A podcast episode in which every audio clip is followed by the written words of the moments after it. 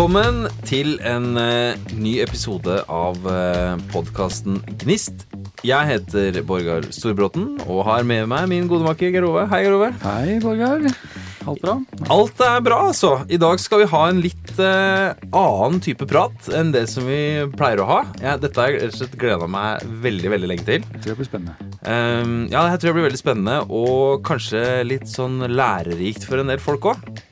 Eh, for i dag så skal vi ha med oss en eh, trommeslager, en gitarist, komponist, eh, bransjekvinne, lydtekniker, og så har jeg skrevet ikke minst da det som vi i Hanna kaller for liksom Heil ved. Så heil ved, og hei til deg, Ramona Fossli. Velkommen hit. Hallo, takk for det. Det var jo en Kjenner du deg igjen i Ja, det var jo en veldig storslått komponist. Jeg vet ikke helt Det tror jeg ikke skal ljuge på meg, men Arrangør? Ja, ja, nei, jeg vet ikke hva jeg Nei, men uh, får si takk. ja, ja, men det er bra. Det er det hun har lært. du har jo en del andre mm, roller, da, som jeg, som jeg i hvert fall er innom her da, i starten, enn det mange har. Men jeg tenker at uh, det kan vi komme litt tilbake til. Men jeg har litt lyst til å begynne med starten, jeg. Og da um, musikk. Og hvordan var det var det mye musikk i hjemmet som du vokste opp i?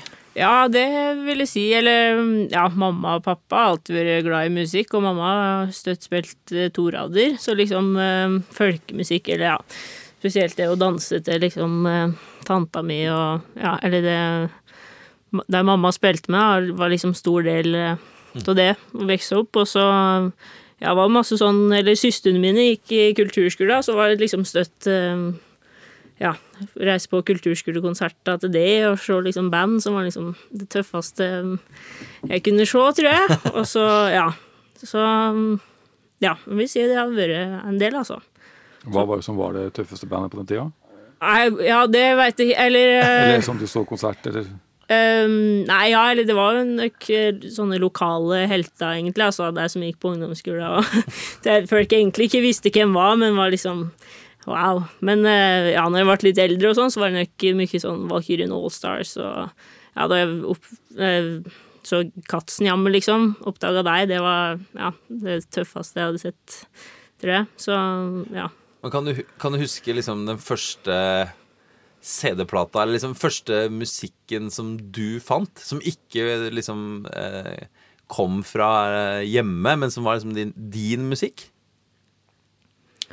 Ja, det Jeg husker det var Ja, Green Day tror jeg var liksom um, Kanskje overraskende nok uh, ja, her jeg sitter i dag, men uh, nei, der syns jeg var veldig kule. Jeg vet ikke om uh, jeg oppdaga deg sjøl, eller om det var via et søskenbarn, eller Men ja, det husker jeg var liksom Ja, det var mitt band. Så var det mye sånn fra serier og sånne ting som Ja sånne dramaserier, One Tree Hill og sånn. Det var liksom finne musikk derifra. Det var veldig stort, da. Eller liksom Ja, ble mye greie. Men eh, nei, jeg veit ikke. Det ja, føler jeg fikk veldig masse liksom fra uh, søsteren min og sånn, da. Så, men, ja. Var du sånn MySpace uh, Ja, jeg var jo egentlig litt, uh, litt for ung til det. Ja. Uh, men eh, ja, jeg tror jeg liksom brukte litt eh, profilen til søster mi og ja, sjekka ut litt ting der og sånn. Men eh, ellers var det jo mye YouTube, liksom, når det ja, sjekker alt som fantes av liveklipp, liksom, og ja. Men hvor eh, For det er jo utrolig Ja, alt av liveklipp, ikke sant. Altså, det er jo et eller annet her som eh, Det er jo en, en um, musikkinteresse som er på en måte større enn det, det kanskje mange andre har vil, vil jeg si, da. At man sitter på YouTube og ser på liveklipp når man er eh, ikke så innmari store typen. Det er kanskje ikke det mest vanlige, eller? Nei, jeg tror jo Eller um, jeg tror det er et eller annet ibu anime som bare liker. Eller um, mamma forteller liksom uh, ei historie om uh, første gang jeg hørte rock, liksom. For jeg hadde nok ikke hørt det så masse hjemme. Men det var på kulturskolekonsert, da. Sikkert ja, to år gammel og sto i setet og bare det er her, liksom! Og, så, og jeg ja, hadde aldri sett det før, da, sånn jeg tror det var liksom Det er et eller annet med live-greia som bare vekker et eller annet i meg, men jeg, vet ikke, det er vanskelig å si, altså. Ja, det er ikke sikkert det er et helt sånn eh, Ja, et spesifikt svar. Men eh, men du sa det var torader. Men, eh, og du har jo jeg, Når jeg ble kjent med deg første gang, så var det jo som trommeslager, kanskje. Primært. Men eh, var det trommer som var første instrumentet du begynte med, eller var, det, var du innom toraderen og sånn på veien her? Nei, torader har jeg alltid tenkt liksom at det er en skam at jeg ikke kan. Så det er liksom de siste par åra plukka opp den eh, at eh, jeg må kanskje lære meg en låt, men det er ikke noe å danse til foreløpig. Men eh, nei, det var litt sånn eh, Mamma lærte meg litt gitar og sånn. Og så ja, lå det alltid i kortet at jeg skulle begynne å spille piano, for det hadde søsteren min gjort. Og så var jeg på um, første pianotime, og da var pappa med, da, for det var veldig skummelt. Og så søvna han. Så da var det uaktuelt for meg å gå på time nummer to, så da slutta jeg med det. Og så gikk det vel et par år da, før eh, mamma og pappa skjønte at tromme kanskje kunne være kult. Så da kjøpte jeg inn masse utstyr, og så begynte jeg med det. Hva var det som fikk deg til å være interessert i trommer? Nei, det er jeg litt usikker på. Jeg føler liksom mamma hadde skjønt at jeg var interessert i det, men uh, for meg så var det mer sånn at det var sånn Ja, kanskje tromme noe. Så Men uh, ja, det var et veldig sånn visuelt instrument, da. Uh, så kanskje et eller annet i det at jeg hadde sett Ja, For det var Det ikke var sånn at du hadde sagt at du hadde lyst til å begynne å spille, spille trommer? Eller? Jeg kan ikke huske det sånn, men eh, når jeg snakker med deg, så høres det ut som jeg har sagt det. Så ja, vanskelig å si. Men eh, ja. Det jo Foruten å liksom å virke for stereotypisk. altså Jeg ser ikke for meg det som en ei lita jente som bare ja, 'Jeg skal begynne å spille trommer'. Det er ganske få av de. Ja, det er jo det. Jeg vet ikke om dette var liksom før eller etter oppdaga Katzenjammer. Kanskje det var et eller annet For der bytta ja, jo alle på instrumenter, så det var liksom Så tenkte dere Da begynner jeg med trommer, og så kan jeg bare så tar jeg ett og ett instrument. Ja, det ble i hvert fall sånn seinere, da. Ja, ja. At det, liksom korlåten uh, tok i at den ville designe liksom Eller plukke opp alle instrument til å låte akkurat sånn den hadde det lyst, da. Men, det er, men det er jo liksom Det er Katzenjammer, og det er eh, folkemusikk. Altså, det er lite Justin Bieber og altså, Eller altså så, men det, er, det er jo heller kanskje ikke den mest vanlige musikken å høre på som eh, er ung eh, Jeg holdt på å si verken gutt eller jente, da. Nei, det var nok ikke Jeg tror det var jo liksom mange i klassen min som likte likte gutpopen og sånn. Jeg husker Vi var jo, gikk jo på barneskolen når Justin Bieber og One Direction-bølga kom, og da var jeg litt sånn ha-ha. Så vi sikkert Eller liksom Jeg har skjønt noe dere ikke har skjønt, eh, på en måte. Ikke sant? Allerede! Det er jo det er fantastisk, da. Eller det er jo Det tenker jeg jo er, er jo spesielt. Jeg tror, jeg tror ikke jeg hadde så mye Jeg tenker det å gå på barneskolen og høre på Katzenhammer, det er ganske det er ganske bøst.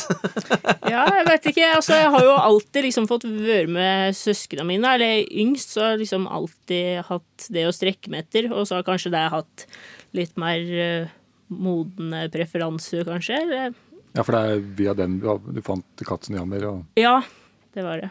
Og så var det liksom eh, ja, Bruce Springsteen og sånn.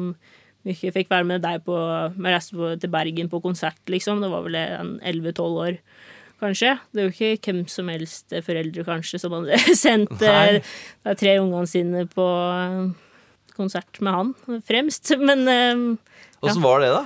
Nei, det var helt eh, rått. Vi fikk snikes eh, fremst, eh, snikes inn i køen der. Og så, ja, det det endte med, var at jeg en liten high five fra Springsteen sjøl. Ja, så det er et eh, punkt Eller høydepunkt i livet jeg har tatt med meg, altså. Det kom tidlig, da. Høydepunktet. ja, tidlig høydepunkt. Kunne bare gå nedover derfra. Neida, Men eh, ja, det husker jeg liksom som eh, noe veldig stort, og som ja, har vært med å vekte interesse videre. Eller Det er utrolig kult. Men eh, altså, både jeg og Geir Ove er jo fedre. Og hvordan kan vi få elleveåringer som drømmer om å ta high fives med Bruce Springsteen? Det lurer jeg på. Det vil jeg gjerne ha en oppskrift på. Det vil jeg gjerne ha oppskrift på. Hvordan, får man, hvordan havner man der?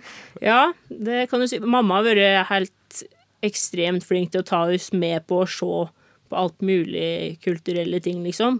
Det er ikke sånn der ja, ikke må bli eldre så de ikke kan oppføre dere i et publikum, på en måte. Det må du bare Det må du kunne, på en måte, eller få til det. Jeg vet ikke. Det er kanskje mye å forvente av en eh, unge, men jeg tror det har gått fint for vår del, da.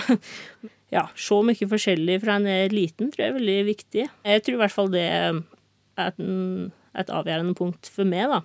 Litt igjen det du var inne på med det å se ting live.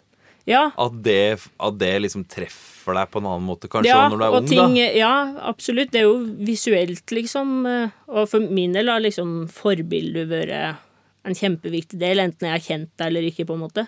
Det å ha noen å se opp til.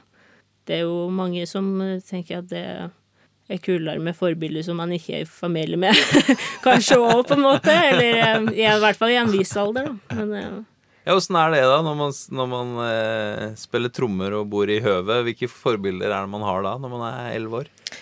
Um, jeg var heldig og fikk en uh, trommelærer uh, på Eller en som kom hjem til meg før uh, ungdomsklubben et par timer. Ehm, Ronny Keil Mikkelsen. Eller ja, Skogheim heter han vel, ja.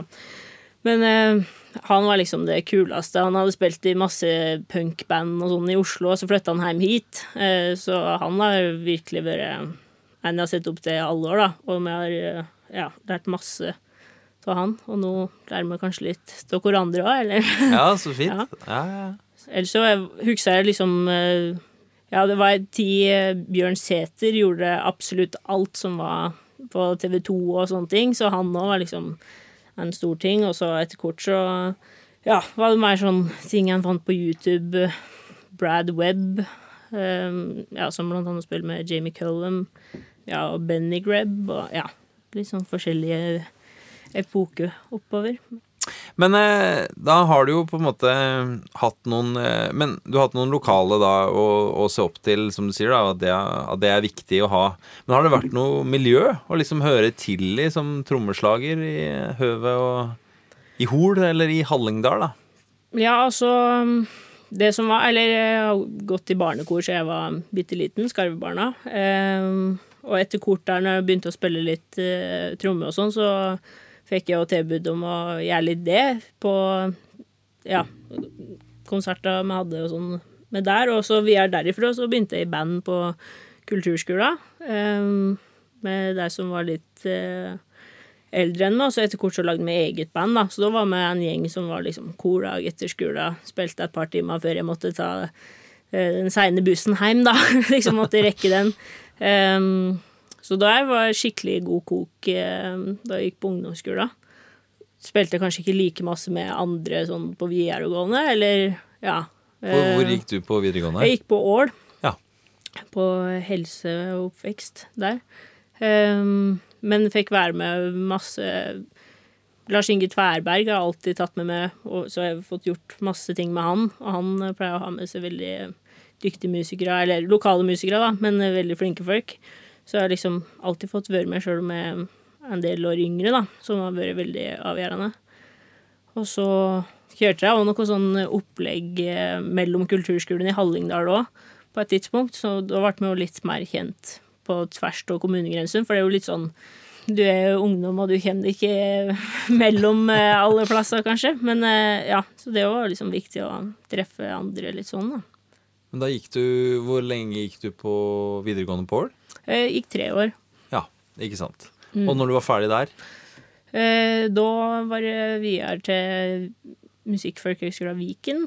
Så da var det liksom Det var det jeg så fram til. Jeg visste liksom ti år før jeg begynte der, nesten, at det var der jeg skulle begynne. Så det var Hvordan visste du det? Ti år før? Nei, ja, eller siste med sju Ja, ok, sju-åtte år eldre Nei, før, da, jo. så visste jeg det. Så da Det var hun eldste søsteren min som begynte der.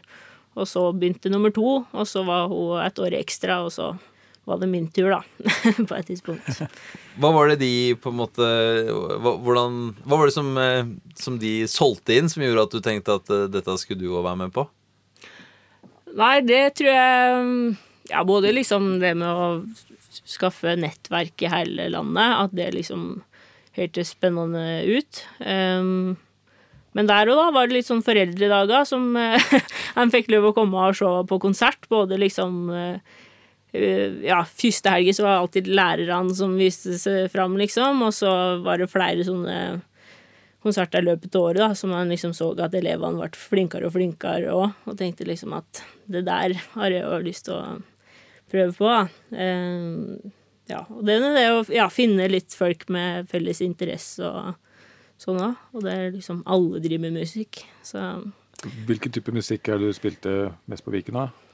Eh, kanskje litt sånn eh, Jeg syns det var så vanskelig med sjangre, men eh, litt sånn eh, folkvise, jazzinspirert eh, Eller jeg veit ikke om du eh, Du veit jo litt av det jeg spilte der, du, Borgard, men det, ja. Altså, for the record, da, så var, jeg var jo læreren din uh, der. Så det var der vi møttes vel første gang, tror jeg. Ja. Så i hvert fall på, sånn, ikke sant. Uh, ja, du spilte jo med det meste, du, tror jeg. Så det, jeg tror det var mange Ja, alle de sjangerne du var innom der, for, for den saks skyld. Ja, og der får han jo prøvd alt mulig rart òg. Eller også er det mye sånn Vil du være med på den låta? Så da fikk han prøvd den sjangeren, på en måte. Eller, ja. Um.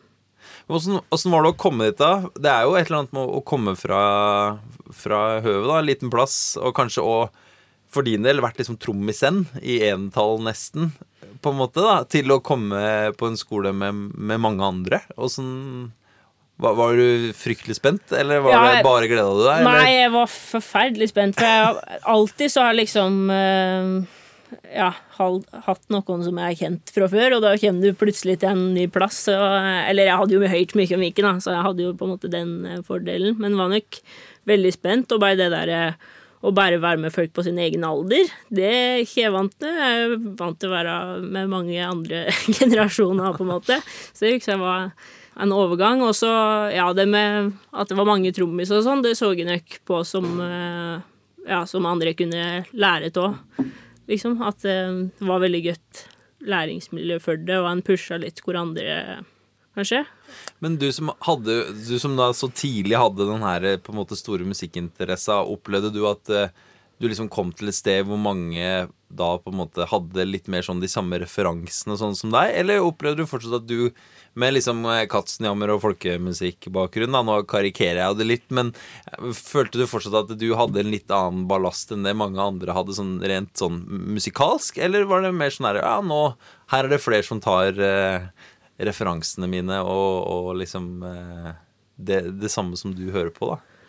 Ja, det er jo liksom eh, jo det, jo, det var nok flere. I hvert fall Jeg hadde aldri møtt så mange som hadde der nesten like preferansen som meg. Men jeg tror nok fortsatt at det er en del ting som jeg kanskje hadde hørt på, som ikke andre har hørt på. Eller ja, det er jo litt vanskelig å si, men uh, ja, i hvert fall så veldig sånn miljø for å vise andre ny musikk. Så det var jo kjempemasse musikk jeg aldri hadde hørt på heller, på en måte. Så kanskje like masse det. Men eh, ja, kult å endelig komme til en plass der folk har hørt om det, samme musikerne. Så det var veldig kult læringsmiljø, sånn ja, både til å nerde og alt, egentlig.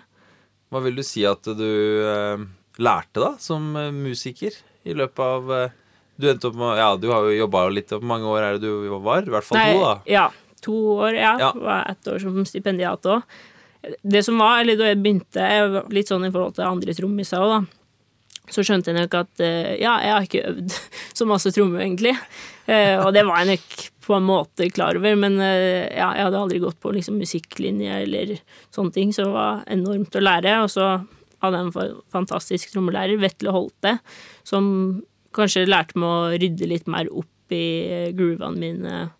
Ja, kanskje viktigste stikkordet jeg tar med fra han, er liksom de viktige slaga. Det snakker vi masse om, at det er kanskje det som teller mest da, når du spiller. At uh, finn deg, og så kan du legge på krydderet etterpå. Men uh, ja, ja, ja. Det må, være, det må være en sånn grunnstamme der, på en måte, først. Ja. Og så kan du legge på ja, Alle ghost notes og Også, Ja, ikke sant. Absolutt. Og så ja, kanskje Og andre veien òg, at uh, du trenger ikke kanskje ha så masse Eller alt ettersom, altså. Men eh, Men at man er ja, bevisst på det man legger ja. til å trekke fra? Ja. ja mer enn at det bare skjer uh, forskjellig hver gang. Da. Ja. Så, som det gjør hvis jeg spiller noe, så er det liksom, du får alle de samme to ganger, på en måte. Men uh, det er både bra og dumt. ja, ikke sant. Men for min del så er det jo liksom tromme veldig det følelsen i det, på en måte. Mer en feeling-musiker, vil jeg si, enn en teknisk musiker. Og teknisk musiker kommer jeg aldri til å bli heller, tror jeg. Kunne sikkert med fordel øvd eh, litt mer, uansett. Men ja, det tror jeg uansett er liksom viktig for meg. At det er formidling vi faktisk driver med. Om du spiller gitar eller tromme eller synger, så er det historiefortelling der bakerst. Og det tror jeg noe med det med musikk òg som faktisk har trygga meg, da. At det, er historiefortelling vi driver med. Og det er veldig glad i om det er serie eller film eller en god historie fra pappa, liksom. Så samme for meg. Men uh, ja, det er historiefortelling, da. Ja, det er jo, ikke sant. Da, jo, da begynner man jo å nærme seg en uh kanskje en signatur, da. Alle disse tinga, alle de refleksjonene, ikke sant. Da begynner man kanskje å få en egenart også musikalsk etter hvert. Når man, man, velger seg jo noen ting underveis, sant, eh, som, eh, som, kanskje er med på å lage den signaturen. Men eh, når du da kommer sammen med, med så mange andre, eh, så tipper jeg at det blir liksom litt snakk om det å skulle hva, hva skjer når dere er ferdig, på en måte? Hadde du noen sånn klar plan? om at du skulle studere musikk videre, eller drive med leve av musikk? Eller var det mer Tenkte du at nå skal du få et friår og prøve å spille trommer og se om det var noe for deg? Ja, jeg var nok mest det friåret jeg fokuserte på hele veien. Og så har jeg alltid vært redd for å bli lei musikk på et eller annet tidspunkt. På, eller sånn på videregående så lurte jeg på om jeg skulle flytte til Hønefoss og begynne på musikklinja der, men det endte med at jeg ikke søkte der fordi jeg var litt sånn redd for å bli lei, eller du skulle bli vurdert og ja, i hvert fall et sånt Kanskje noe som kunne bli et kompetativt miljø. Um, så jeg var nok veldig usikker på det, og så følte jeg samtidig at jeg må kanskje prøve, eller sånn hvis du er så dumt å angre etterpå. Uh, så jeg ja, tenkte vel at ja, kanskje jeg skal studere musikk. Men uh, ja, sånn ble det jo ikke helt, da. Men uh, egentlig fornøyd med det òg. Eller, ja. Men var det Det er jo som friår og, og folkeskole og koselig og sånn, men, men, det er jo allikevel Eller det er egentlig mer spørsmålet. Kjente du fortsatt på at det var litt sånn konkurranse? Det å Ikke sant, så mange på ett sted. Noen som virkelig noen som virkelig vil videre òg, og satse på, på, musikk. Kjente du noen ganger på det konkurranseelementet, eller klarte du liksom alltid å å liksom hvile i at du gjorde dette primært fordi at du syntes det var moro? Jeg tror egentlig ikke jeg har kjent så på det konkurransegreia, men det tror jeg har litt med Viken å gjøre òg, som folkehøgskole. At det fokuserer veldig liksom på den personlige prosessen i det, og at det ikke er så vektlagt det du presterer på scenen. da. Altså kjempebra og kult det, at han får til det å bygge mestringsfølelse og Men eh, Nei, så jeg tror egentlig ikke Eller, ja, det kan hende jeg lyver nå. men eh, Nei da. Men eh, Nei, jeg kan ikke huske det som det, i hvert fall. Det kan også være litt, tenker jeg. For som du sa, at du, du er ikke noe teknisk eh, trommis, og derfor ikke så opptatt. Du er mer opptatt av det uttrykket, på en måte. da. Og jeg ser for meg at de trommisene som kommer veldig teknisk inn i det, føler nok sånn tydeligvis mer på konkurransen, da. Paradidler og fortest og én hånd og ikke sant, og så videre. Mm, mens, ja. du, mens, det virker som du har en litt mer sånn eh, hva skal jeg si, laidback vinkel inn på det, da, med, med at du, du, skal bare lage noe, du skal skape noe, du skal fortelle en historie. Og det er du som forteller din historie best, på en måte.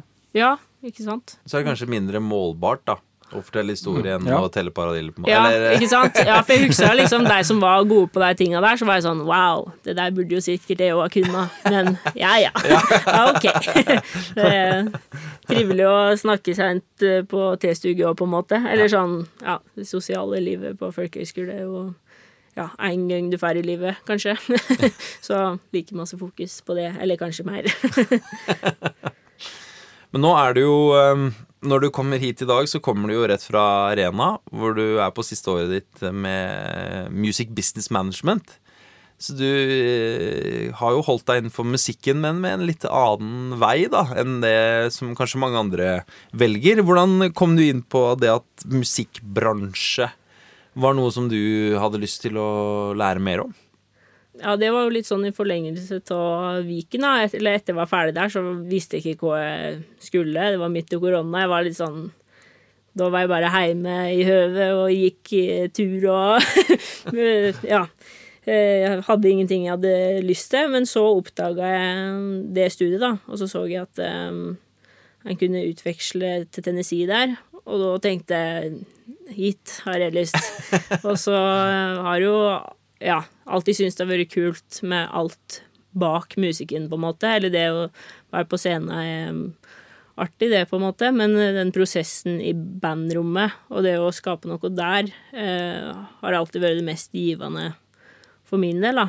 Um, og konsertarrangering og ja, liksom logistikk og sånn, så tenkte jeg ja, kanskje det, det kan være kult å se hva det der er for noe. Så visste jo egentlig veldig lite om bransjer og alt mulig før jeg begynte der, men eh, det er ikke noe opptaksprøve eller noen ting for å komme inn der, så der starta alle med blanke ark. Så ja, veldig interessant å lære. Det er jo ikke noe sånn Det er bransje som en ikke liksom tilfeldigvis lære så masse om via et eller annet. Du må gå litt inn for det. Hvis jeg kan du skal... ikke se for meg at det er så mange fagbøker om akkurat musikkbransjen som Eller? Nei, ikke hva er, altså, måte, hva er pensum?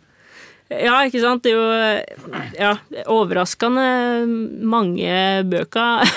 Flere enn jeg trodde. Men det er jo ikke liksom Du setter ikke ned og leser akademiske bøker når som helst. Men eh, det er jo sånn eh, flere av fagene jeg har hatt der også, er det litt sånn Sorry, her er det ingen pensumlitteratur. Det er slidesa de kan fælt med som er greia. Så nei, det er nok sant.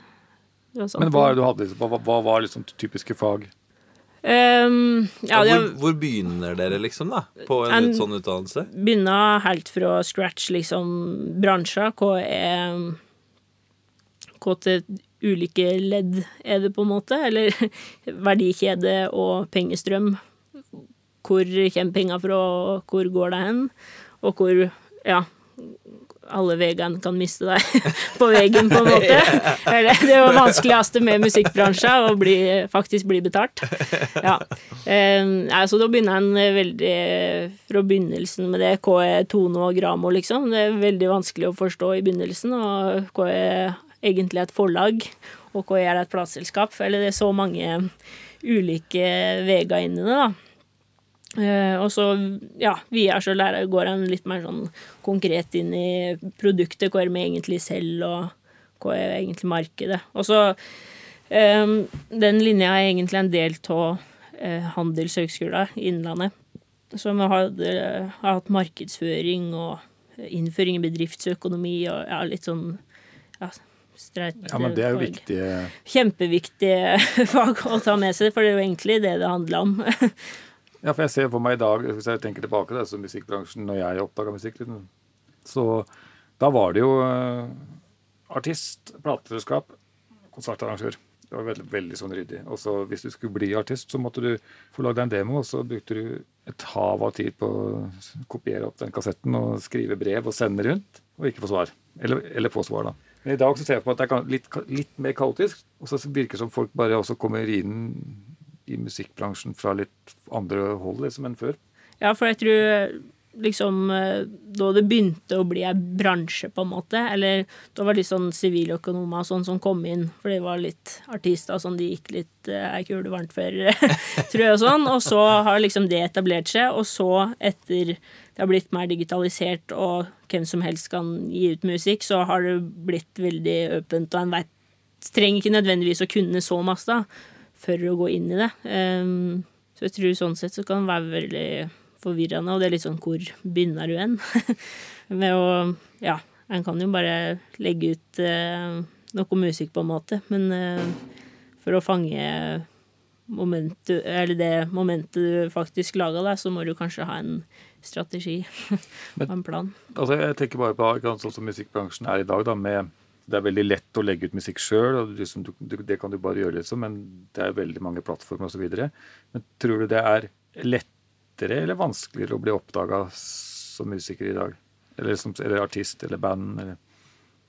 Jeg tror det er vanskeligere å få liksom en stor plattform, på en måte, eller det å bygge Fordi det kommer fra du, I dag konkurrerer du med hele verden, på en måte. Før så mm. konkurrerte du med de andre i nærmiljøet, liksom. Men uh, nå går det på alle landegrenser og sånn, men jeg mener jo det at eh, etter kortene at det kommer til å bli mer lokalisert igjen.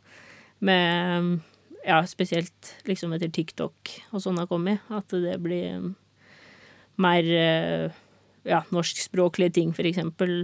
Sånn sett, og ja, at eh, det ikke er så globalt miljø. Nei. Eller ja, det var litt flott. Ja, ser du på det som er litt sånn mot motpol eller motkultur, fordi det har vært så globalisert nå. Det har vært så Ja, eller ja, i hvert fall eh, Jeg kan jo egentlig ikke så masse om det her, men eh, ja, i hvert fall eh, mange jeg prater med og sånn, mener at det er det neste som skjer nå, da. Men at vi kanskje ikke helt er helt ennå.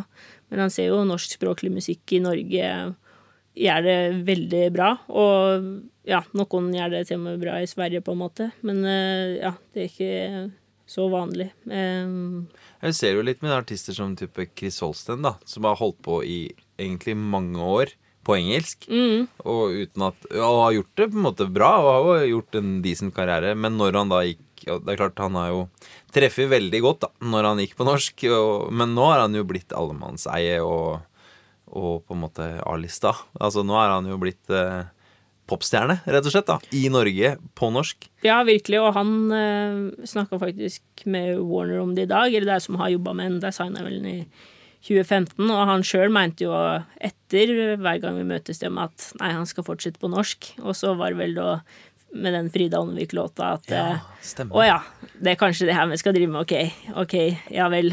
For det har gått greit etter at han begynte på norsk? Det har gått ganske greit, tror jeg. Det er en grei butikk, det der. Men er det ikke egentlig med hver gang vi møtes, er det ikke flere som da etter det har gitt ut låt på norsk, og så har det bare susa av gårde? Jeg var ikke at jeg kommer på noe nå, men man sitter jo i hvert fall litt med den følelsen. Mm. At ja. det er mange som gjør ting på norsk som, som tidligere ikke har gjort det, og som slår Vinni hadde vel ikke gjort noe på norsk før etter, altså Han var med på Hver gang vi møtes og ja. tolka jo låtene og rappa da på norsk, men han hadde ikke rappa på norsk før det.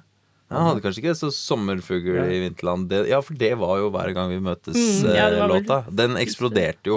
Det ble jo en monsterhit igjen, på en måte. da men det er vel litt den hver gang vi møtes-mølla, eh, ja. ja. Som man er, eh, har vært Det har jo vært liksom norsk popmusikk nå, da, egentlig.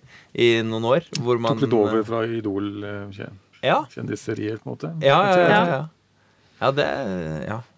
På en måte Fikk jo en, flere artister og musikere som var med der, som har blitt rebranda etter hver gang vi møtes. Virkelig. Ja. Men eh, går det an å si noe litt sånn generelt om hva som karakteriserer liksom dagens musikkbransje? Hva er det som er liksom typisk nå? Det er et stort spørsmål, da, men jeg bare tenker det har skjedd Det har, um, det har vært noen store forandringer. Eh, Spotify, en stor ting. Og som du har vært inne på nå, da, med TikTok At det å ha vært med å, å prege bransjen um, til, til, i hvert fall at no, jeg håper å si, Om det er til det bedre eller verre, det vet jeg ikke, men i hvert fall til noe annet. Men, men hva er det på en måte her går det an å utdype det nå, sånn som med TikTok, da, hvor det er, jo er korte snutter. ikke sant? Det, hvordan er det det preger musikkbransjen?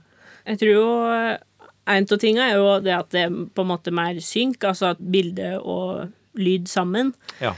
Og at eh, forbrukerne, eh, eller konsumerne, da, er mer utålmodige, på en måte. Og en må ha noe nytt hele tida, ja. um, som er en viktig ting. Um, og det har jo vært liksom den fasa fra album til singler og på en måte, og spilleliste, at du kan utvikle det sjøl, som har vært en veldig viktig ting. Så ja, kanskje konsumentene er litt mindre tålmodige i dag. Man har jo f.eks. sett noe, noe, forskning som jo viser at eh, en del barn og unge i dag slutter å se på YouTube fordi at det er for lange klipp. da. Mm. At det er liksom helt oppi fem, seks, syv minutter lange videoklipp. Og at det er bare altfor kjedelig. Fordi man har blitt vant til en TikTok. Eh, kulturen, da. Så det er klart, det gjør jo noe med, med oss som musikkonsumenter. Det gjør noe med oss, tror jeg, på veldig, veldig mange måter, men også som musikkonsumenter. Og her en dag så hørte jeg en låt på radioen, nå husker jeg selvsagt ikke hvilken artist det var, men som kun hadde ett vers. Altså Det var på en måte første vers, og det var også siste vers. Og etter da dette første verset så var det kun refreng. Ja. Og låta varte i under to minutter. Ja. Så den er jo egentlig perfekt for TikTok, da. Men jeg vil jo si at du mangler to minutter, kanskje. Eller, ja. eller i hvert fall ett minutt, da. Altså, du, eh, så det, da kommer man jo helt ned i sånn det musikkstrukturelle, da. At man rett og slett eh, Den historia som du prøver å fortelle bak i Tromsøt du skal være ganske kjapp da for å greie å fortelle historia på under to minutter med ett vers og et refreng. Ramones klarte vel det. Ramones klarte jo det, for så vidt. Ja, jo, det er jo godt poeng, det. Det var kanskje en litt annen historie, da. Jeg vet ikke. Nei, det, jeg tror du virkelig sier noe der. Um, Nå mista jeg hva jeg skulle Nei, men det, si. Men, jeg tenker, eh, men åssen syns du det er, da? Du som på en måte Som musiker så, så jakter du etter å fortelle historia. Og så har du søkt deg inn i en bransje hvor du snakker om musikkonsumenter. Det, havner du i konflikt med deg sjøl eh, noen gang, eller føler du at det er forenlig å drive med begge, eller er det Kjenner du noe på den? Jeg står jo litt sånn uh, veivalg videre for karriere nå, eller sånn uh, hva en har egentlig lyst til å drive med, og sliter litt uh, med å egentlig finne ut av det. For nå de siste tre åra har jeg liksom lært mye om marketing, og det er liksom målgruppeanalyse, og du må forstå hvem er det som egentlig har lyst til å høre på musikken din, som jeg tror er en veldig viktig del av det, enten du er liksom ja, plateselskapet må så klart skjønne det, men jeg tror det er viktigere og viktigere som artist òg å forstå det. Um, men uh, ja, jeg kjenner jo på at jeg har litt lyst til å drive med musikk som uh, gir noe for meg, og ikke uh, jakte topplisten, på en måte. Så jeg tror det fortsatt er det som står sterkest for min del, da. Men vi får se hvor dette bærer hen. Men sånn sett så tror jeg liksom livemarkedet er det som ligger mitt hjerte nærmest, og var det som gjorde at jeg hadde lyst til å komme inn i det her i utgangspunktet. Jeg hørte et veldig interessant eh, intervju litt før i dag med noe som jeg vet du er veldig glad i, og det er eh, en amerikansk uh, ja, Jeg vet ikke om singer-songwriter er riktig, da, men, eller til og med superstjerne, men Brandy Carlisle, som jo jeg vet du er glad i, og som jeg jo er veldig glad i. og hun eh, sa noe som er på en måte kanskje er innlysende, men som samtidig jeg tenkte sånn Ok, men det har jeg egentlig ikke tenkt på, for hun sa at eh, hun har jo vært aktiv uh, musiker og låtskriver i ja, 20 år, kanskje? Ja. Snart. Hun er vel litt over 40 nå. Og hun sa det at nå Altså at det, må, det måtte være lov å lage musikk for voksne mennesker også at man tenker veldig fort som kunstner, da, i, kanskje i musikkbransjen, eller sånn at man alltid skal lage liksom musikk for uh, Astrid S-publikummet, på en måte, da.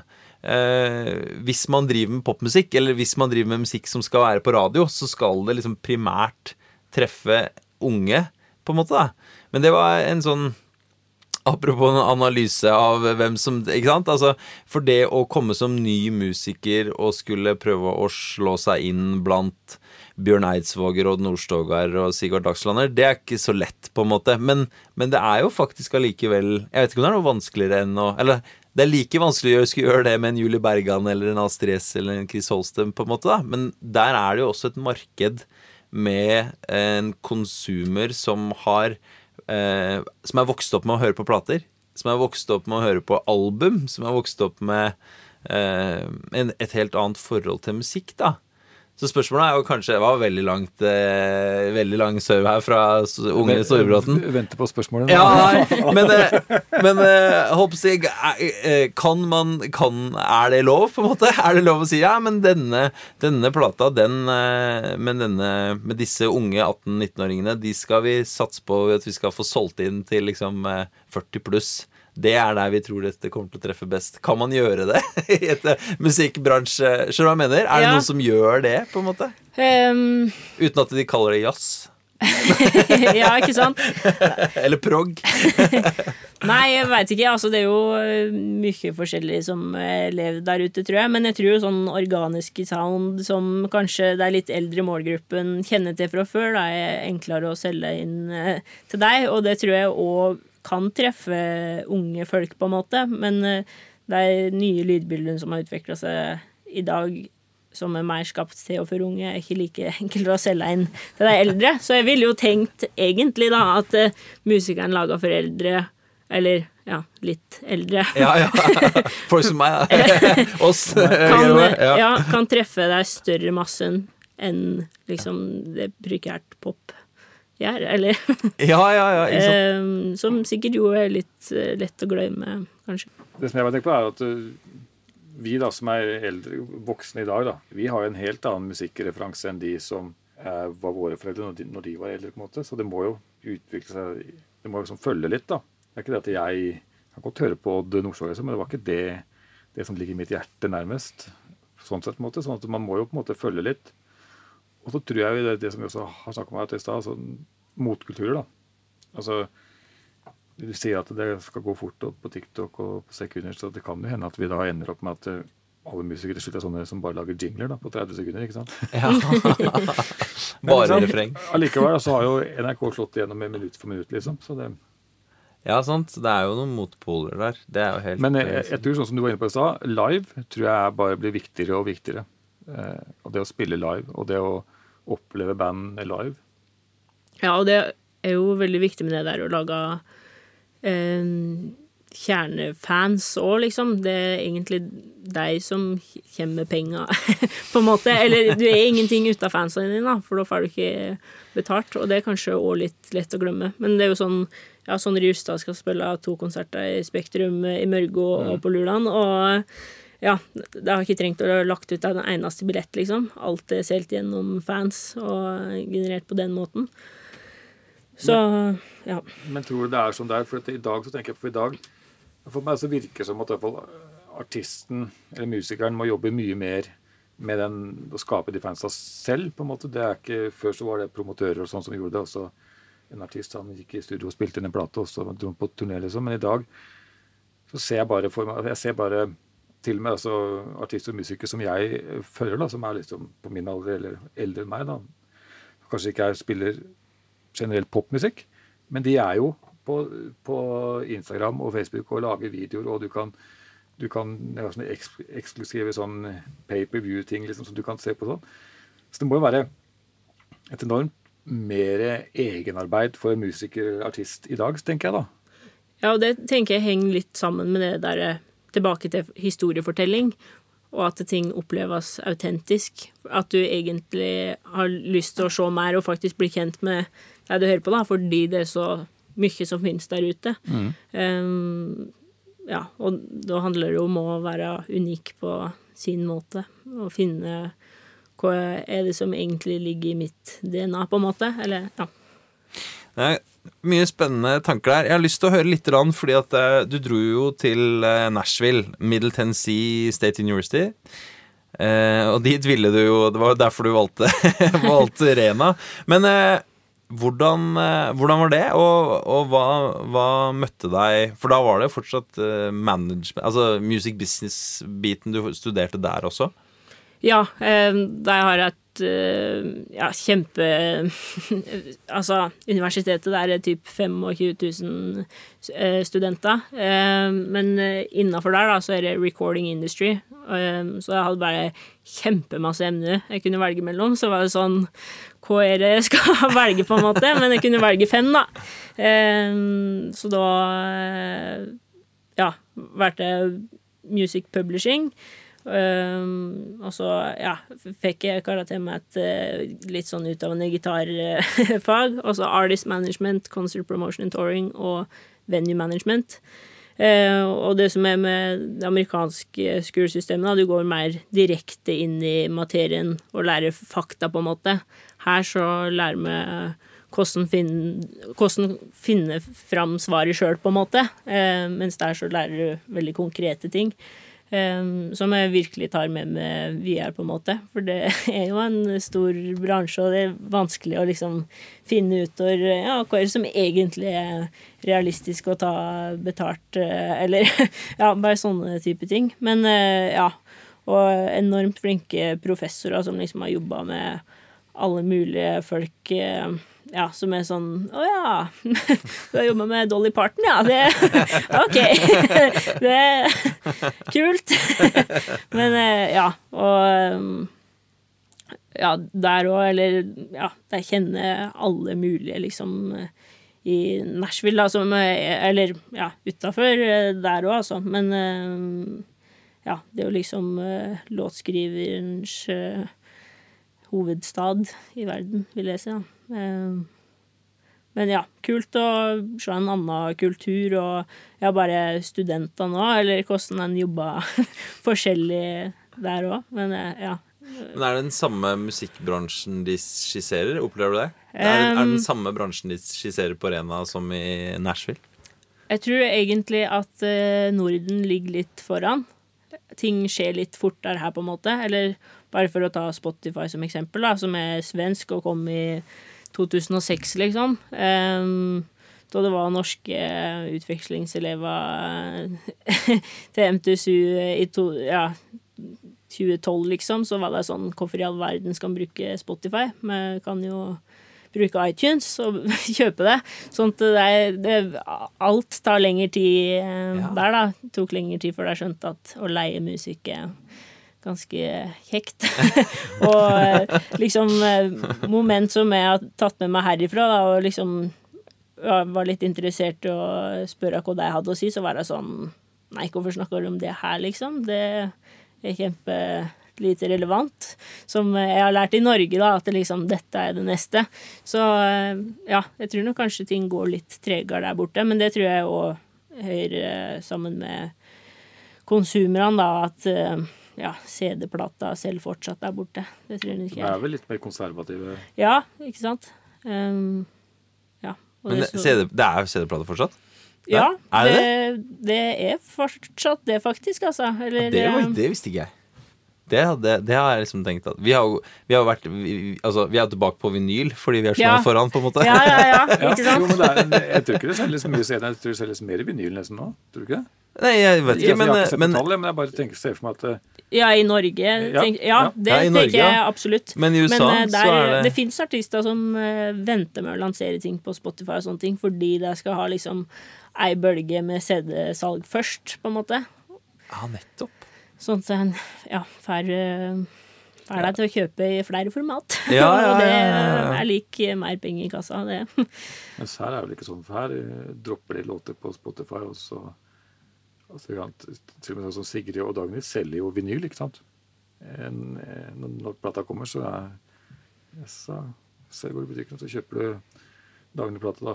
Rosa vinyl eller rød vinyl, eller, ikke sant. For det er litt ja. spesielt, da, på en måte. Ja, absolutt. Og det er jo de to som eksempel òg. Det tok jo Det var jo svær lenge før de slapp et eneste album, da. Fordi mm. at det liksom Ja, singler som har vært greia, og få listeplasseringa. Um, og Sigrid har vel to eller tre plater som Sigrid Robbe er ute. Ja, før hun ble før Sigrid, Sigrid, og relansert ja. som, som superstjerna Sigrid. da. Mm. Og det, det, tror jeg det er mange som ikke Og det, det, hørte jeg faktisk et veldig fint intervju med Marit Larsen, eh, som snakka om nettopp om, eh, om, det at før og når hun kom opp da En ting var jo M2M, på en måte, mm. som var hennes eh, hvor, Som ble megasvært. Men hun sa at tidligere så kunne man jo som, som eh, nykommer eh, komme med et helt uh, utrolig stort uh, ja, management, plateselskap uh, det var kanskje ikke så mye så mye ansvarlig da, men det var i hvert fall marketing og alle de Altså du Og da var det litt sånn at da valgte på en måte Det er ikke helt riktig, da, men hun sa det litt som flåsete at da valgte jo på en måte bransjen tre artister og sa at i år så er det disse tre artistene som blir årets artister, som vi skal pushe hardest. Og så var det sånn. Og så ja. enten så gikk det bra, eller så gikk det ikke så bra, på en måte. Og til en viss grad så, så finnes jo det fortsatt det ligger jo planer som gjør at man vet at ok, det er vel ikke helt tilfeldig at det ikke ja, Det var kanskje Sånn som med Chris Holsten, da, så er det jo et eller annet man, man får en suksess, og så har man et kjempestort eh, maskineri som kan følge opp en sånn suksess. For det er jo heller ikke bare bare. Eh, det, er mange som har hatt én en god låt eller 20 sekunder på TikTok, da, men, men, ikke noe mer enn det, på en måte. Nei, og det er jo det som er det vanskelige med det òg, eller at eh, Og plateselskapene veit jo hvordan en skal planlegge det her, på en måte, eh, og hvordan en bygger en strategi som eh, ja, kan ja, faktisk bygge ei karriere, da, over lang sikt. Men jeg tenkte litt på det når jeg skulle forberede meg til intervju med deg i dag og, og Nashville. Og, så jeg tenker egentlig, og Det er mange ting som du sier i dag eh, som eh, for min del minner veldig om Nashville-stjerneprodusenten Dave Cobb. Han har jo gjort eh, kjempemange veldig, veldig gode plater. Bare bra ting. Egentlig bare bra ting, for å si det rett ut. Um, og han er jo òg på en måte litt sånn han jakter jo historien, opplever jeg, på samme måte ja. som du. Uh, og så Ja, det er litt sånn eh, løselig gjengitt her, men han sier jo et eller annet sånn som at eh, hvis du setter et utrolig Altså et fantastisk talent foran en mikrofon, så får du òg et fantastisk produkt. Eh, og det er det han har gjort. da Han har alltid liksom jakta. Han har fått tak i og jobba mot å jobbe med de beste. Og når du jobber med de beste, så får du òg bra musikk. Eh, så det han også implisitt sier, er jo at det motsatte er jo kanskje noe som skjer veldig mye òg, da. Når vi vet at det kommer 50 000 nye låter på Spotify hver eneste dag. Ja, eller 50 000. Det er faktisk i dag er det 100 000. 100 000, ja. Hver dag. Ja. Å, herlighet. Ja, ikke sant? Og da er jo alle de 100 000 låtene kan jo ikke være av fantastiske artister som, og et fantastisk produkt. Nei, det, det ville vært veldig det ville vært imponerende. Veldig, det ville jo vært eh, fantastisk da, og veldig imponerende, men, uh, men uh, han har jo på en måte da kanskje nettopp vært en sånn motkultur også i bransjen, da. Gjennom at han uh, spiller inn alle i, i samme studio samtidig. han gir ut album med artister som er spilt inn på, på gamlemåten, men som topper ja, både hitlistene og på en måte americana country chartsa i tillegg, da. Så jeg har bare tenkt på Kanskje det er en slags sånn eh, eh, klapp på skulderen til deg, da, når du skal inn i liksom bransjen her. For han prøver jo egentlig òg bare å fortelle historien, og viser jo at, eh, at det går an, da. At det kan i hvert fall være for min del at det kan være liksom til inspirasjon. Ja, absolutt. At noen eh, prøver å gjøre det, og gjør det så ordentlig som han, da. Og at det fortsatt i den TikTok under to minutter-verden um, er plass til noe sånt. Ja, og det Han eh, driver veldig masse med liksom organisk sound, og kanskje at det er litt det derre urgreie som eh, Eller i hvert fall for min del, da. At det, det liker ved det. Men eh, ja, absolutt veldig inspirerende at det fins ting i det universet her som fortsatt holder på de tinga. Men hvordan tror du det er for de unge i dag? Altså, altså, jeg er jo over 40 år, så jeg har jo oppvokst med et organisk sound, altså et organisk sound. Men jeg tenker på de som vokser opp i dag, da, som er jo ikke vant til det i det hele tatt. Altså, Brorparten av det de hører på, er jo programmert popmusikk. Eh, hvordan tror du de opplever et altså, eller, hva skal jeg fram til nå, altså, det er jo faktisk liksom, Hver gang vi møtes, er jo faktisk live, da. Ja. Altså Det er faktisk av de mm. få musikken som faktisk massen hører, kanskje, som er som faktisk er livemusikk spilt av livemusikere. Ja. ja, det er sant. Men ja, de siste sesongene har det kanskje vært litt mer eh, tracks der òg, men, eh, men, absolutt. Det er jo på toppen, da. Ja. Nei, men eh, ja. Og det er jo liksom for unge i dag, eller mye av popmusikken er det samme lydene og samme samples og liksom Ja. Så eh, Men jeg tror òg at mange unge som plutselig oppdaga Oi, det fins faktisk ja, livemusikk eh, og organisk sound. Det, det, er jo faktisk et, et håp hvis man ser på det sjøl. For det, jeg hørte jo ikke på den musikken som foreldrene mine hørte på da jeg var ung. liksom. Men man merker jo til eldre man blir, så er, er det mer media han kanskje drar med seg. da, som, ja. man, som har hørt på i, fra barnsben Så det er bare å fortsette liksom, å spille med tving, tvangsfòre ungene dine med musikken. ja, ikke sant? Det er noe med det, altså. Jeg merker jo sjøl, eller øh, nå er jo egentlig ikke jeg så veldig gammel ennå, da, men uh, jeg kjenner jo det at uh, jeg lett går tilbake til de ting jeg hørte på før, på en måte. Eller, fordi det er så masse ny musikk hele tida òg, på en måte. sånn at av og til så like greit å bare slappe av med det en kan, på en måte. Eller, ja. ja. Men det tenker jeg på også du som da vokste opp måte, da, litt med den YouTube, Spotify-generasjonen, da, som er vant til bare å kunne konsumere musikk akkurat når du vil, og høre på én og én låt og sånn. Hvordan ser du på det? For jeg tenkte også når jeg vokste opp med musikk, da, så var det sånn at du sparte penger, mm.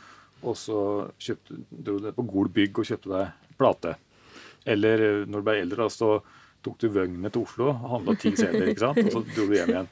Og da hadde du jo den plata, da, eller de ti CD-ene, som du da nihørte på. Og da er det jo kanskje noen av de platene som kanskje ikke var så bra ved første gjennomhøring, men som da etter tre uker så ble jo den plata bra. Man satte jo, Jeg bare innrømmer at man da satte litt mer pris på et album, da, eller, eller, på musikken, da, for at man tok seg tid til å høre på det. Mens jeg, jeg merker det i dag når jeg sitter og hører på Spotify. Og jeg er alltid sugen på å finne ny musikk. Men så merker jeg at når jeg finner det, så er det inn i en spilleliste, og så er det videre. Mm. Og, og, og, og, finne neste. Men hvordan, hvordan liksom, siden du da er oppvokst med å konsumere musikk eh, litt mer sånn altså fra YouTube, YouTube og Spotify og sånn, hvordan, hvordan opplever du det liksom med den musikken? Eh, altså Hopper du fort videre, eller tar du deg tid til å høre på det?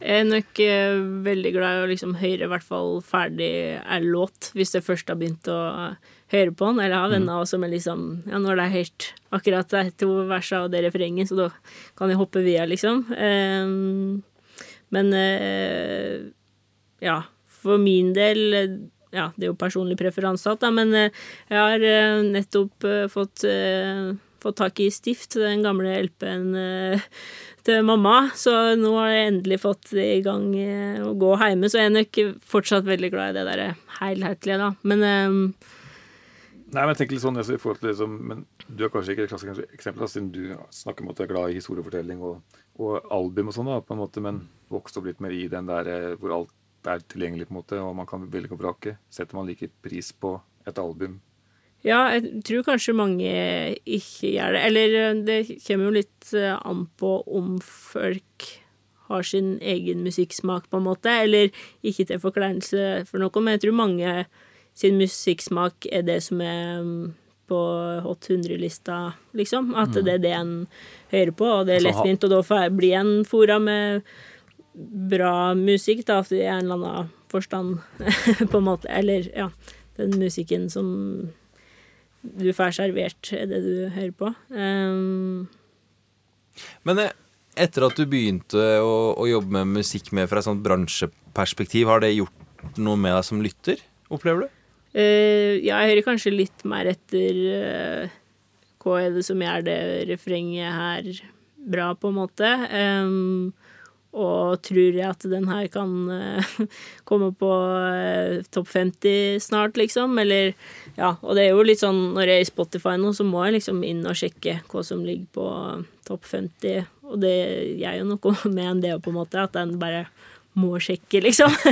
um, og ja, hatt en del diskusjoner med spesielt ene søsteren min, som mener at det kanskje har blitt litt mer kynisk, eh, på en måte, eh, enn hva jeg var før, da, eller ja, hun ser på det i den negative forstand, og jeg ser på det i den positive forstand, kanskje. Men, uh, Men er det et ufortjent dårlig rykte som forfølger bransjearbeiderne i musikkbransjen? Lenge så var det jo ingen bransje, så det var nok litt sånn cowboyvirksomhet både her og der. Men, men, det males jo kanskje, av, i hvert fall av musikere, ofte opp et litt sånt eh, eh, svart-hvitt-bilde om at det, disse bransjefolka de skal bare tjene penger, og de er kald, iskalde og Ikke sant? Det er kanskje med, Opplever du det når du snakker med andre om musikk, når du forteller at du jobber liksom i bransjen, eller at du ønsker å jobbe i bransjen? Ja, noen, liksom... Eh, noen blir nok litt mer eh, Eller blir kanskje litt skeptisk, eh, kanskje. Spesielt til de musikerfolka jeg kjenner, da. Eh, men det hører kanskje litt med at den kanskje rett og slett ikke kan nok, på en måte. Eller fordi det er så masse å lære, og så føler en kanskje at nei, dette er altfor omfattende til å ta fatt på, på en måte. Um, og en får ikke betalt for platen sin lenger fordi Spotify har kommet og ødelagt alt. Og en skjønner ikke hvordan uh, strukturen inne på Spotify egentlig fungerer, og hvordan betalingsmodellen er. Men er det egentlig Spotify som har ødelagt alt? Egentlig, ja, ikke sant? Og det er jo Jeg mener jo nei. ja, de har bare forandra det, på en måte? Og, nei, ja, og det er jo altså Egentlig med gode intensjoner, mm, sånn, det, tenker jeg, da, men eh, Absolutt. Altså, når jeg snakker liksom Jeg skal ikke lenger tilbake i generasjonene enn mamma, liksom, som bare syns det er fantastisk at han kan dra opp telefonen sin og høre på akkurat hva du vil, når du vil. Så jeg tenker jo at det er til det bedre. Og ja, jeg opplever ikke aktørene som eh, kyniske, egentlig, men jeg kan det de driver med, og det er en bransje akkurat sånn som eh, mange andre bransjer, liksom. Men at eh, byggebransjen er kanskje mer forståelig, på en måte. Jo, men alt er jo bygd opp av et, altså, alt er et produkt. Ja, ikke sant? Og det, det er nok noen som glemmer, da. Ja, og at um, hva er egentlig det produktet? Jo, det er kanskje en følelse og en identitet og en mm. tilhørighet. Og så glemmer man kanskje det på veien, da. Eh, jeg opplever at noen av de som har turt å si litt om det, er kanskje eh, Karpe. Som jo mm. på en måte har sagt noe om at det er både brød og sirkus. Altså det er både butikk og det er kunst. Mm. Og det ene utelukker ikke det andre.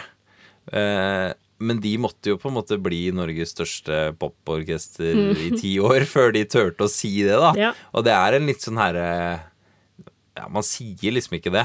Mens eh, kanskje det er litt annerledes i dag. For i dag opplever jeg kanskje at man i større grad Det er ikke sikkert at det er sant, men at i større grad så bygger man på en måte brand og merkevare enn man bygger bare en artist, eh, musikalsk karriere. Det, det, stemmer nok sikkert ikke helt, men, men, men i hvert fall den derre eh, brandinga av mennesker, da. Den er i hvert fall Den er veldig synlig i dag, da. Jeg tror det er helt sant, det du sier der. Og det er jo liksom Ja, hvis han snakker med major labelser, altså uh, Warner, Sony mm. og Universal, så er det det Eller Universal satsa knallhardt på historiefortelling og brand. Det er liksom det er deg selv, på en måte, for tida. Mm. Og det ja, henger att med at du må skille det ut for å bli lagt merke til i eh, massa. Det er så svært omfattende, og mange som har lyst til det samme. Så jeg tror du må virkelig ha lyst til å ville det, og ha en forståelse for uh, hvem som egentlig skal gidde å høre på det, hvis du skal Og det er som jeg pleier å si, at det, um, det er en grunn nå til at de som Selvsagt det er mye tilfeldigheter, men, men, det er jo ikke tilfeldig at uh, Chris Holsten eller Astrid S er de som blir mest spilt. Altså, det er jo fordi de vil det mer og jobber hardere også enn i hvert fall de jobber eh, og vil det mer og jobber hardere eh, enn mange, mange, mange andre gjør, da. Ja. Så de er også villige til å legge inn eh, den innsatsen for å bygge brand, for å bygge karriere, da, som, som de kan stå i forhåpentligvis for de sikkert, da, livet ut. Mm.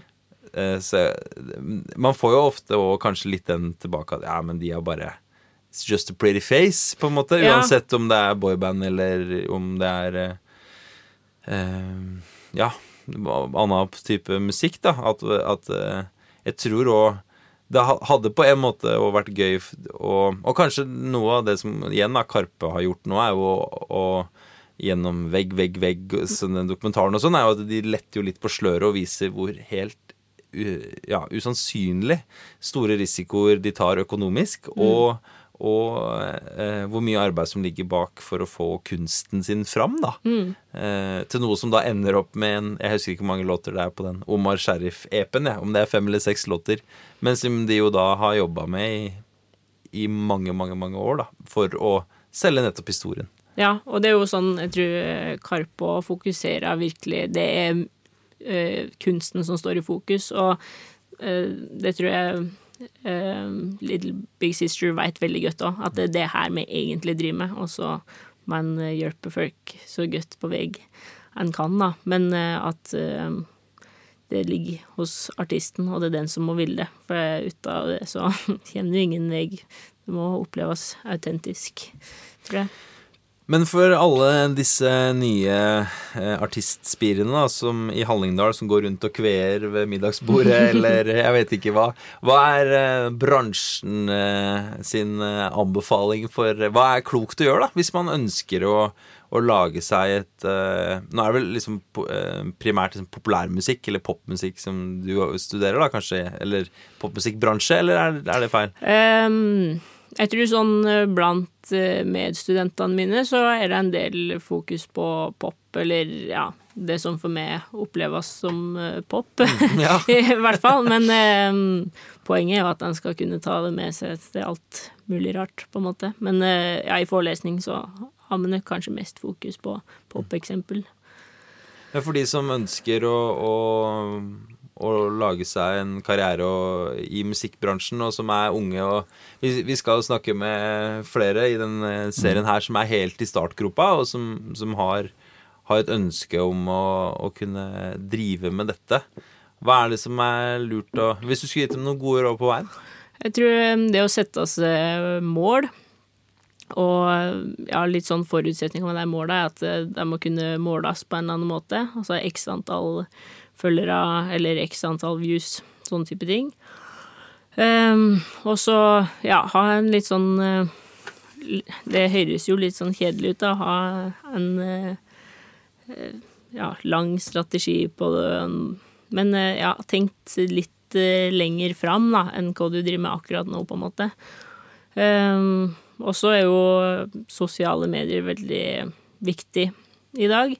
Um, og jeg tror det er veldig lurt å lage seg en sosiale mediestrategi med en posteplan, eksempel, der du setter opp uh, deg og deg datoene, skal jeg slippe det, og så kan du prøve å lage mest mulig innhold på forhånd, på en måte, sånn at når du skal poste det, så er det bare å trykke post. Så slipper det å liksom være noe som eh, er hengende over det hele tida. Og så kommer det så klart an på hvilken plattform du bruker, da. Eh, det jeg sier på TikTok, så burde du helst legge ut én ting om dagen, liksom. Eh, men, men det er jo ikke alle som har lyst til det kanskje heller, da. Men jeg tror det å ja, jobbe målretta og bare virkelig lyst til det. Jeg tror det handler litt om det òg. Hvor masse du er villig til å jobbe og ofre for det. Um, Fins det, det, på en måte steder man kan spørre om hjelp, eller hvor man kan få For dette er jo, hoppsid det er jo å drive en egen bedrift, da. Og det er jo ikke mm. Ja, hvis du driver med popmusikk, så er det jo liksom da skal du helst være 17, 18, 19, 20, 21 Altså ja. før du egentlig er over i liksom et annet segment igjen. Så det er jo ikke sikkert man har egentlig mulighet til å kunne sitte på alle, all den kunnskapen selv, da. Nei, og det er jo litt det for store artister og har store apparat rundt seg. Eh, men når han er i startfasen, så har han kanskje ikke det. Men eh, det, sånn som på Rena, da, så sitter jo eh, tre kull om gangen og har masse kunnskap, men får kanskje ikke brukt det i praksis. Så der går det an å ja, slide inn i noen DMs og si hei, hei, jeg trenger litt hjelp og tips. Ellers så finnes det jo masse ressurser sånn, på nett og sånn. Musikkontoret, for eksempel, har eh, nettopp, eh, eller lansert i mars, en uh, ja, nettside med masse tips og råd og plass du kan søke om penger og ja, bare begrep i bransjen, liksom. Hva betyr alle disse orda? Um, ja, ellers så jeg tror jeg bare det å ja, ha noen å spare med òg. At en kommer langt på vei med det, da. Og ja, det handler om nettverk, så reis på bransjetreff hvis du kan det. Kjøp delegatpass på Bilarm. Det er litt dyrt, men det kan være verdt det. Og ja, reis på konserter og ja, ikke vær redd for å prate med folk. Det er jo kanskje litt sånn Det lærte jeg litt uh, bare i USA, da, kanskje, at det er ikke så farlig å prate med folk. Men jeg skal jo liksom ikke forstyrre naboen her hjemme i Norge. Men jeg tror ikke jeg gjør noen ting og gjør det litt mer, altså, enn hvor mange gjør. Men, Nei, for det handler vel egentlig bare om som sier også, alt det du lærer, alt, alt det du erfarer. Så er det vel egentlig at du bare skal forberede deg på å benytte sjansen når den først er der.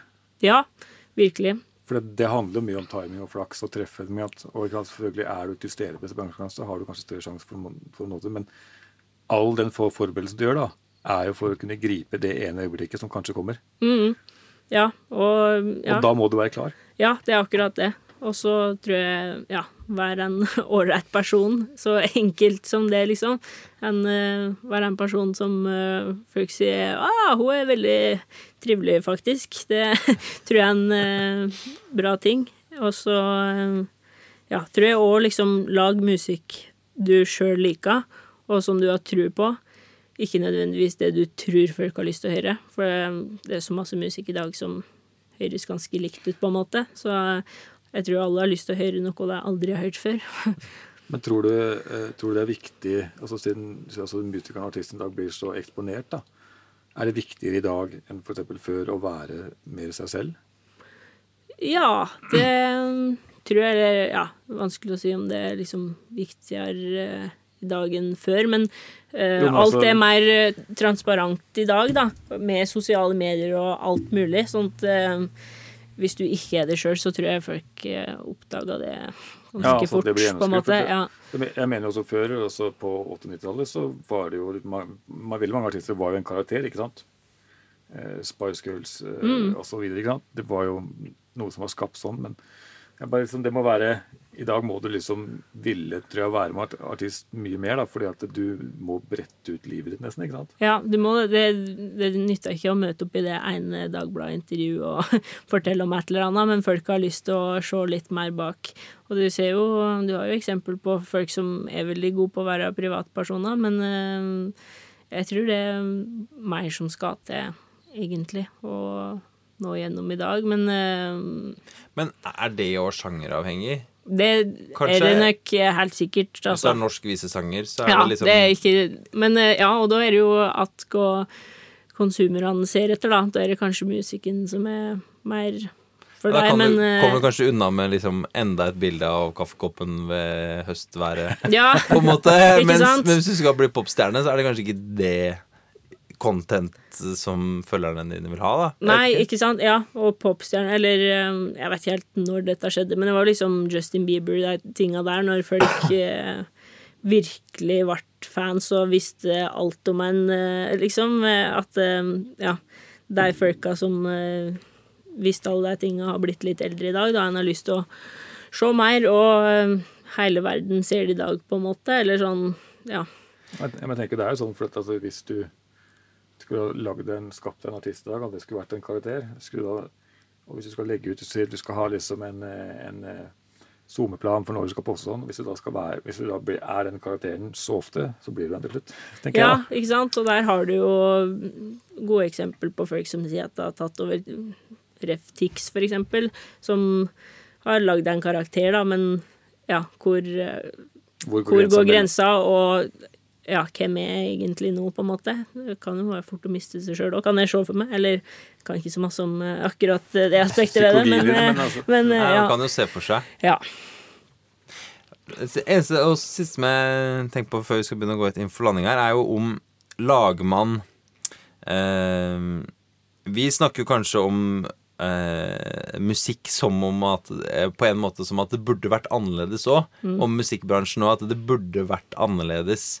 Men hva, hva er fordelene med at uh, låtene er kortere og eh, og at det på en måte er muligheter til å lage ting så enkelt, da.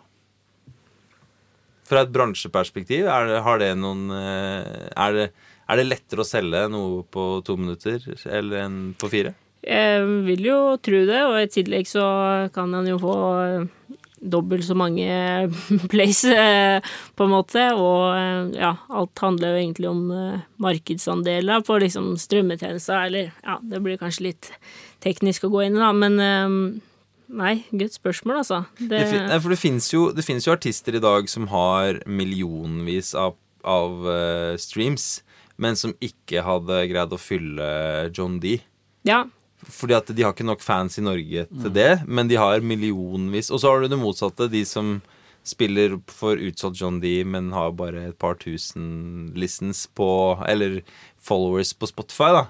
Og at det er ikke noe nødvendigvis heller um, betyr, om du har 200 000 lyttinger på en låt, så betyr det ikke dermed at, er, at du har masse penger som kommer inn, Nei. eller at du på en måte har en karriere som ruller og går. da Det tenker jeg jo mange fort tenker, på en måte. Mm. Eh, mens det Oslo-bandet, da som kan spille en gang i måneden for fulle hus. Det er ikke sikkert at det er liksom noe man kan leve av i lengden, men det kan hende at de tjener mer penger enn en de som på en måte sitter der med og har lyttere i Chile og Bangladesh og England og Nederland, på en måte. Ja, absolutt. Og det er jo ja, litt med det at uh, ting skjer så fort, og ting byttes ut. Det som var topp én i Forrige uke har folk glemt allerede. Eller det går så sinnssykt fort, da. Ja, for det er vel ikke sånn som nå, det er ikke like mange artister som ligger liksom på topp uke etter uke etter uke? Nei, det tror jeg Nå har jeg fulgt, nok, ikke, husker jeg ikke helt, nå har jeg ikke fulgt med sånn for hver, hver uke, men jeg bare ser for meg altså, altså uh, For 20 år siden så kunne man, artist kunne liksom ligge et halvt år på mm. topp 10, liksom. Det tror jeg er mer sjeldent uh, i dag, ja. Absolutt. Eh, Podkasten her heter jo eh, Gnist. Og det er, tenker jeg, det har vi vært egentlig eh, litt innom eh, hele veien her. Helt fra liksom starten til hvorfor du begynte, til, til hvorfor du på en måte har fortsatt, da. Men nå er du da snart ferdig utdanna musikkbransjekvinne, eller et eller annet sånt. Jeg vet ikke hva man blir. I hvert fall uh, utdanna. Jeg føler jeg har jo ikke egentlig begynt å lære noe ennå, på en måte. Må begynne å sette teori til praksis snart, men ja. Nei, men har jo, du har jo liksom hele tida tatt opp igjen det her med det organiske, med det å, fortelle, det å fortelle historien. Der opplever jeg kanskje at noe av gnisten hos deg ligger, da. Og hvordan skal du greie å beholde den gnisten videre inn i bransjejobbinga di? Nei, jeg håper jo at jeg kan eh, ta på meg prosjekt som jeg faktisk har tru på sjøl, da, og syns det er givende å jobbe med. Um, og det er jo liksom et privilegium i så fall òg, at det er noe som egentlig bare er hobbyen min og lidenskap, plutselig skal være det potensielt skal leve på. Men um, ja, jeg tror det handla litt om å huske på hvorfor han egentlig ville inn i det her òg. Um, men ja, tida vil jo vise. Jeg syns det er veldig vanskelig um, Jeg veit ingenting annet som skjer etter 2. mai, når jeg har levert bacheloroppgave, på en måte. Så fram til det, så er det det jeg fokuserer på nå. Men um, da er det en slags eh, jobbsøknad eh, her, da, ikke sant? Så hvis folk har et prosjekt de eh, trenger mm. litt uh, Absolutt. Jeg er ikke så dyr i drift ennå heller. Jeg er veldig glad i erfaring, bare. Så hvis det er et eller annet Bare for alle artistspirer og og ta kontakt. ja. Nei da. Men ja, jeg tror det er viktig å bare omgås med liksom folk en syns er ålreit, og så går det sikkert bra på et eller annet vis. det er bare å være forberedt på å gripe sjansen når han kommer, ikke sant? Ja, ikke sant. Og si ja tror jeg er viktig.